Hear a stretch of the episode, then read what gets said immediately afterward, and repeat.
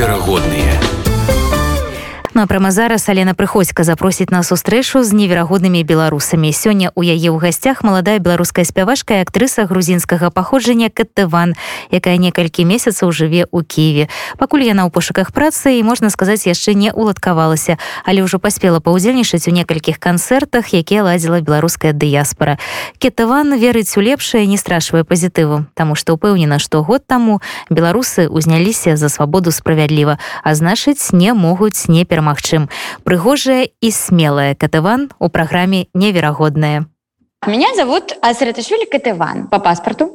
а по сценическому имени я фактически оставила именно от Катыван. Катыван так оставили. Мне кажется, оно тоже достаточно такое необычное и запоминающееся, поэтому ничего придумывать э, сильно не пришлось. Ну, я как бы с детства занимаюсь музыкой, с детства играю в театре, и так получилось, что это стало моей профессией. В Беларуси я вот закончила Государственную академию искусств, работала в русском театре имени Максима Горького. Но вот с, фактически со второго курса, когда я написала первую песню, это была песня «Боль», я ее спела под клавиши, потом вот услышал сам продюсер Саша Плюс, и он предложил мне со мной поработать. И вот эта песня вышла тогда, очень сильно ротировалась на радио, и нас даже пригласили на песню года Беларуси в Мирском замке, и мы получили номинацию «Клубный хит». Вообще не хотели туда ехать, но потом решили, что это будет просто даже ну, смешно и весело. Ну вот в этом смешно и весело как бы все отношение к нашей белорусской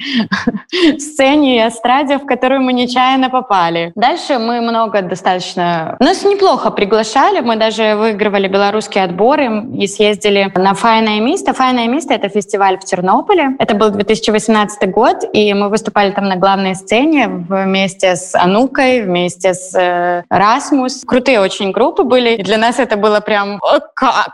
Как это мы тут?» Ну и, к сожалению, что после вот 2018 года, этого прекрасного года, когда у нас все получалось, мы разошлись. Разошлись у нас интересы, и в итоге я сейчас одна, но я периодически у меня есть большое количество друзей, которые меня поддерживают и с которыми мы пробуем коллаборироваться и что-то записывать, поэтому песни продолжают писаться, только уже я нахожусь в составе одна, грубо говоря. Год прошлый, безусловно, повлиял на все, что произошло. В творческом плане очень сильно.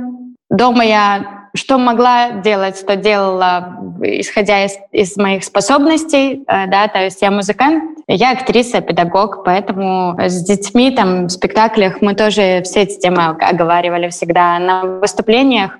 Если они были, хотя их почти не было, как-то не до выступлений было такого плана, но песни писались тоже только на эту тему, там куча всевозможных акций, в которых можно было петь, и, конечно же, я это делала, потому что не могла делать иначе. Сейчас я оказалась в Киеве, потому что в определенный момент поняла, что больше не могу быть в месте, где не могу говорить, потому что это моя профессия. Моя профессия — говорить, как-то высказывать свою позицию. Я, я считаю, что артист обязательно должен всегда иметь свою позицию. Его слушатель должен знать его позицию. Это, то есть, абсолютная необходимость. Когда я поняла, что я не могу говорить, а это единственное, что я могу делать, я поняла, что пора уехать. И сейчас все, что могу здесь делать, делаю здесь. Очень сложное и нелегкое тоже продолжение. Но зато я здесь могу дышать, могу быть спокойной в плане э, именно этом. Поэтому, не глядя на такие бытовые проблемы, с которыми встретилась, там я три месяца уже живу у всяких разных людей, потому что до сих пор не нашла какую-то работу, но я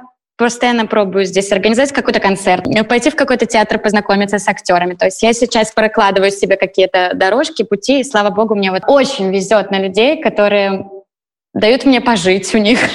Я не знаю, водят меня, знакомят с кем-то. Очень много приятных людей встречается, правда, вот в Киеве на пути. Я думаю, что если я все-таки буду сильно за все держаться и буду сильным человеком, как э, я себя считаю, я считаю себя сильным человеком, и тогда у меня все обязательно получится, вот, и будем дальше работать, и, и куча мечт в голове, и куча планов, и хочется верить, что все они обязательно реализуются. Насколько тяжко займацца музыкай на прафесійным узроўні у Беларусі mm -hmm. якія для гэтага ёсць умовы альбо чаго не хапае то бок з аднаго боку ёсць альтэрнатыўныя музыкі якія там за свой кошт сваімі сіламі неяк пробіваюцца і іх ніколі нікуды не, не пускаюць так а з другого боку ёсць афіцыйная эстрада якая находится на ўзроўні ну 10 там згубіліся гадоў 20 тому Да, ну тут есть на самом деле очень классный вопрос, хороший, и у него есть ответы, и даже их несколько, а, потому что они касаемы разных, э, разных сфер. Например, экономическая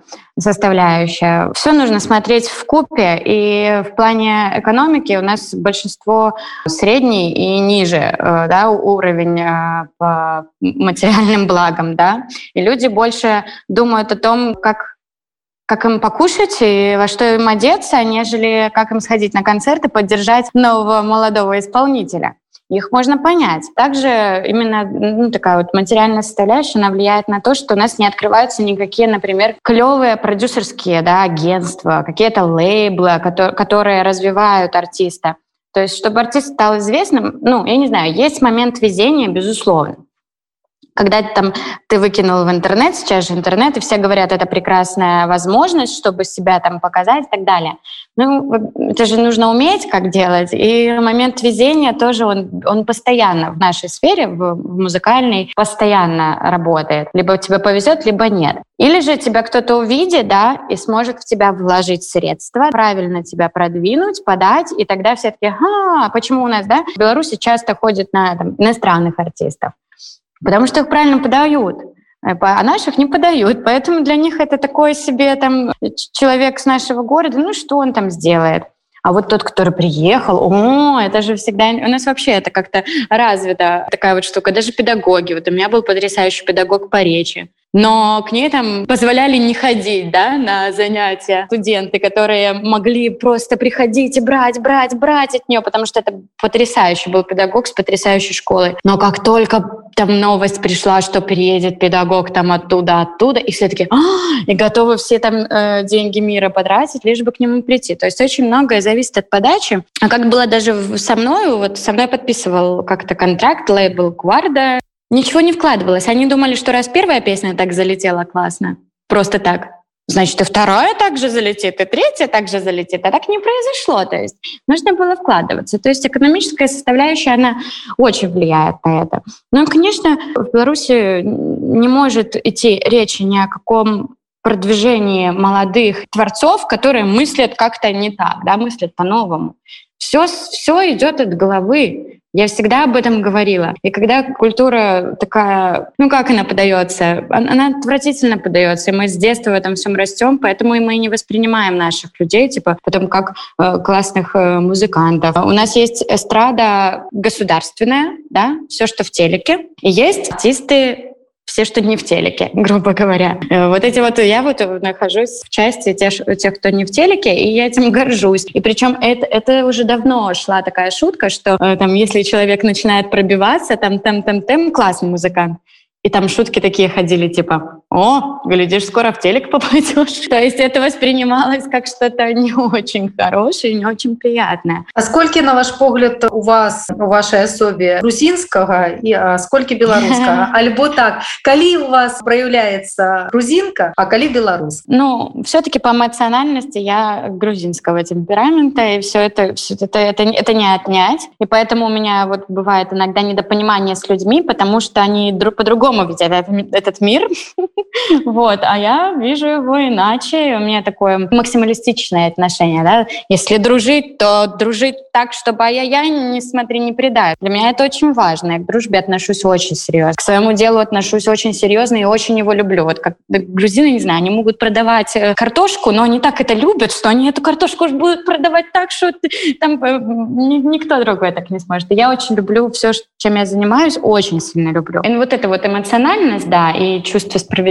думаю, тоже оттуда, и смелость. А что касаемо белорусского, о, мы классно очень такую вывели черту, что белорусы умеют везде приспосабливаться. Не тыкать как-то вот только свое, и я больше другого не буду. А это очень классная черта, уметь изучать новое, да, и становиться частью этого тоже. Там белорусы нет, они приедут, они будут, пойдут на курсы языка, они там тра-та-та-та-та-та, они будут стараться. Это очень, это очень красивая черта, это очень интеллигентная черта, и мне это нравится, и я очень надеюсь, что она во мне тоже присутствует.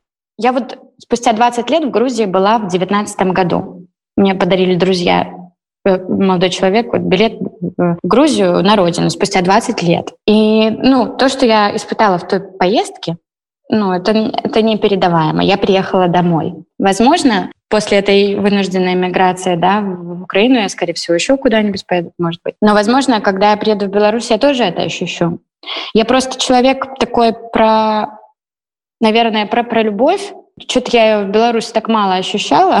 Вот просто вот чувство любви, вот этого вот друг другу, уважения. И как-то вот я про любовь, и поэтому любви больше пока что для меня в Грузии. Вот, поэтому, может быть, я больше грузин. Хотя Беларусь, вот за, особенно за прошлый год все его считали отвратительным, страшным. Ну, не все, многие. Я тоже так думала. А потом пишу про год, и понимаю, что я так люблю этот год, про, про то, что я так счастлива, что он наступил, что у людей проснулось это вот осознание себя не просто как какой-то человек в облаке, а себя как человека, который стоит на своей земле. Что это за земля, откуда она? Мы до сих пор верим в то, что это не просто так. И как только кто-то скажет, что это было не нужно, то все потеряет смысл. А тут так много судеб пострадало, ну, что просто невозможно их перечислить. Я недавно познакомилась с ребятами с, с тачки Нафтана, и у меня просто, у меня, у меня тряслось все, когда... Это было недавно, они недавно сюда приехали. С такой отдачи про это говорят. Они до сих... Они говорят, мы все делали, мы бы сделали так же, мы будем продолжать. Они верят в то, и какое я имею право сказать, что я не верю. Да, да, да я не имею на это права. Поэтому, конечно, это очень важно. И как раз-таки то, что поделилось вот это на тех и тех, и слава богу, увидеть э, настоящие лица. У меня было очень много разочарований.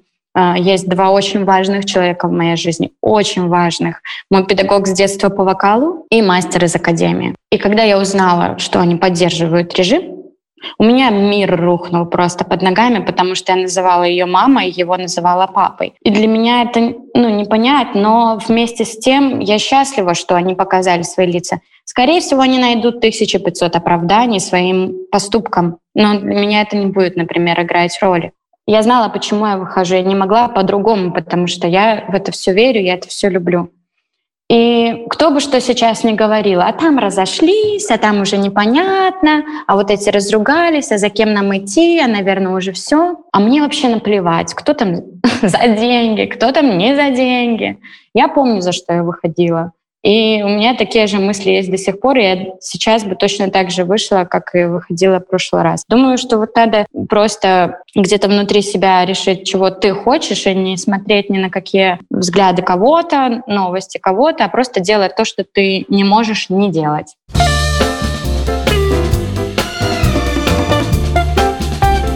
Невероятные